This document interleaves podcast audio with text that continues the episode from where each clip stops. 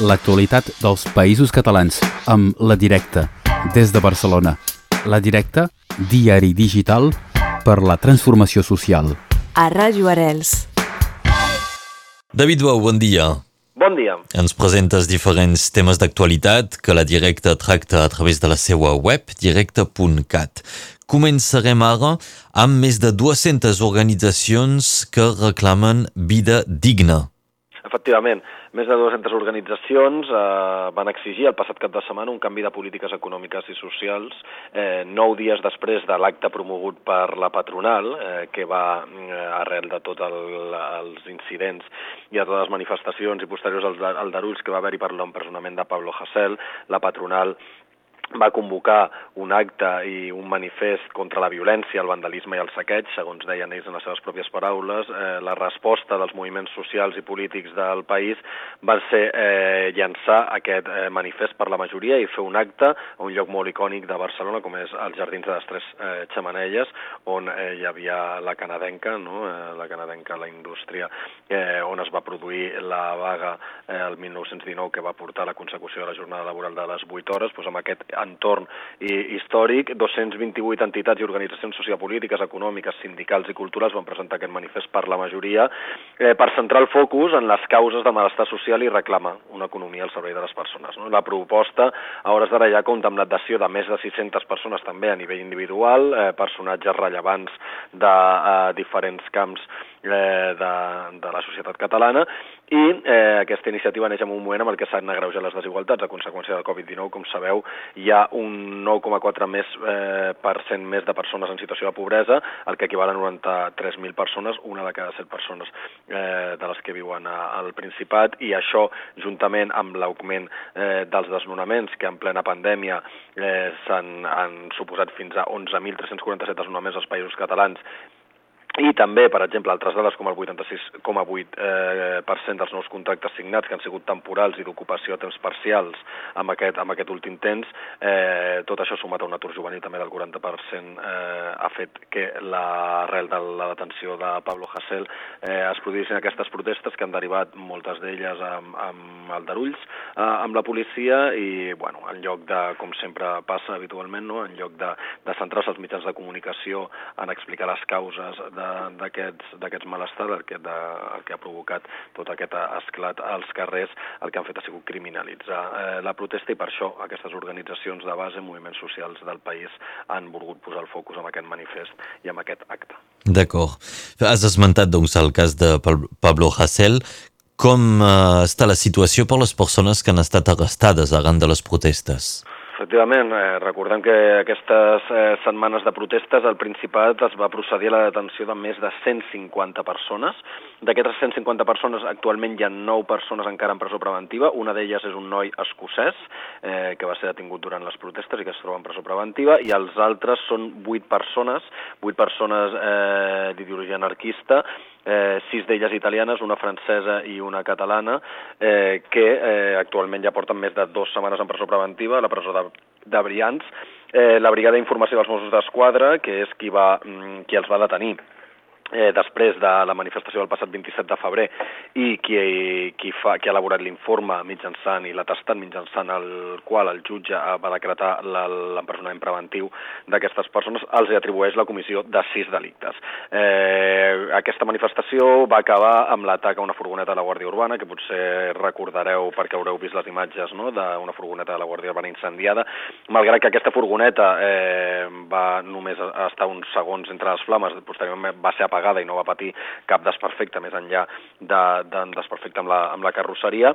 Eh, aquestes persones eh, en presó preventiva, aquestes vuit persones, estan acusades d'un delicte d'intent d'homicidi perquè dintre de la furgoneta hi havia un agent que va poder sortir pel seu propi peu per, per la porta del copilot, però el jutge imputa un delicte d'homicidi per aquesta acció i l'imputa al conjunt de les vuit persones detingudes. Per què? Perquè un altre dels delictes que se'ls imputa és el d'organització criminal. Amb el delicte d'organització criminal el que aconsegueixen és que totes les imputacions pels altres delictes vagin eh, al conjunt de les vuit persones detingudes i no eh, s'hagin d'individualitzar eh, les conductes delictives tal com exigeix el Codi Penal espanyol. No? Aleshores, estan intentant eh, fer aquest constructe, no? eh, fer aquesta relació entre les vuit persones detingudes en tant en quant formaven part d'una organització eh, prèvia i que havien planificat les accions que anaven a emprendre aquell dia per així poder eh, imputar-les tots aquests llista de sis delictes que en cas de tirar endavant serien delictes que suposarien molts anys de presó. Actualment s'ha presentat un recurs d'apel·lació, els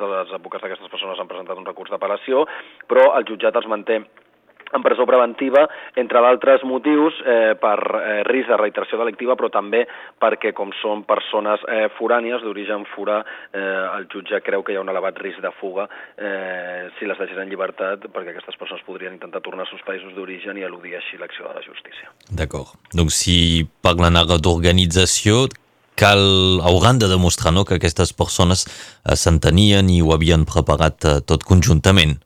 Efectivament, sí, en aquest sentit també per això van fer dos eh, registres a dues naus ocupades a la comarca del Maresme, a tocar de, de Barcelona, eh, on algunes d'aquestes persones vivien també per intentar eh, recabar la policia catalana els Mossos d'Esquadra material que pogués avalar la seva tesi d'organització criminal.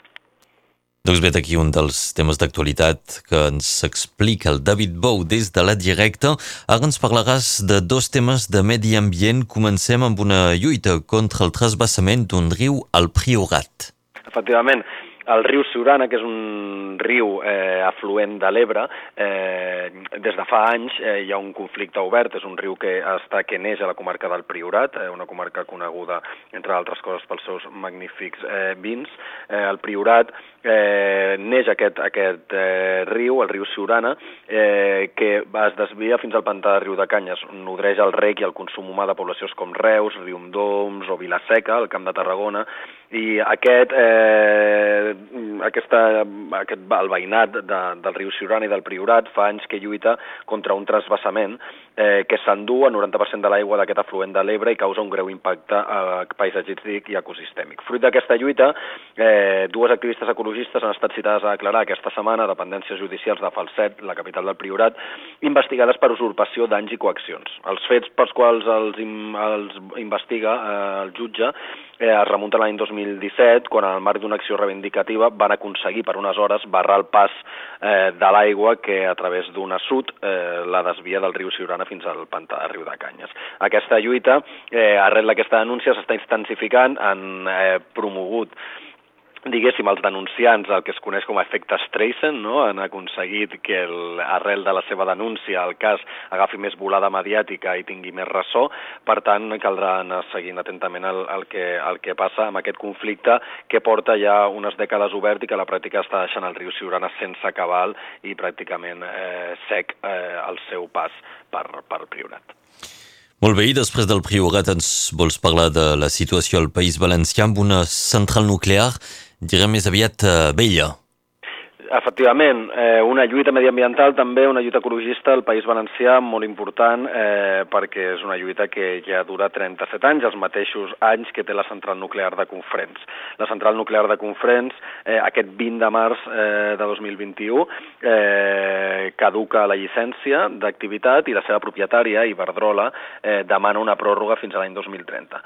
Mentre que una majoria de les Corts Valencianes i també la plataforma Tanquem Confrens, que agrupa diferents col·lectius ecologistes, exigeix exigeixen des de fa anys el tancament d'aquesta central perquè la considera, consideren que acumula greus problemes de seguretat i que és totalment innecessària actualment amb eh, l'auge de les energies eh, renovables. Esther Fallos explica en aquest article eh, com previsiblement eh, serà renovada la llicència de la central nuclear de Confrens eh, fins a l'any 2030, és a dir, 9 anys més encara, i repassa amb aquest article com ha estat la lluita contra, contra la central nuclear tots aquests anys i també tots els incidents eh, que s'han produït, així com tota la gestió dels residus nuclears, que és un dels hàndicaps eh, més importants eh, del dia a dia de, de les centrals nuclears a l'estat espanyol.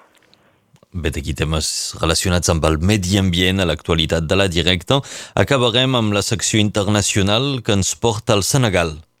Efectivament, eh, el Senegal, com bé sabreu, des de fa unes setmanes s'està produint una petita revolta. Eh, les protestes de les darreres setmanes eh, al Senegal eh, es van eh, començar a produir per l'empresonament d'Usman Sonko, membre del partit Patriotes del Senegal per al Treball, l'Ètica i la Fraternitat i principal opositor al règim de l'actual president Macky Sall. No? El politòleg català d'origen senegalès, Saiba Bayo, especialitzat en estudis africans i postcolonials, analitza en una entrevista que li fa el company Aladin Azuzi eh, l'actualitat eh, del país senegalès i eh, pensem que és interessant prestar-hi atenció ja que en aquest cas, el Senegal eh, és, una, eh, és un país on eh, contem eh, tant al Principat com a la Catalunya Nord amb una diàspora molt important de gent migrada al Senegal i eh, també en el cas de l'estat francès. No? És una excolònia és colònia francesa, per tal, eh, moltes vegades eh, té més impacte el que, el que passa al Senegal aquí del que ens pensem i viceversa, el que fem aquí no? amb les nostres arrels colonials, eh, l'impacte que pot tenir sobre la situació política del Senegal, així que us convidem a llegir aquesta entrevista per estar al cas de, del que passa. Donc, si informació internacional de medi ambient i de l'actualitat en general és el que retrobem a la directa, la pàgina web directa.cat. David, moltes gràcies. Moltes gràcies a vosaltres, com sempre, una abraçada. L'actualitat dels països catalans amb La Directa, des de Barcelona. La Directa, diari digital per la transformació social. A Ràdio Arels.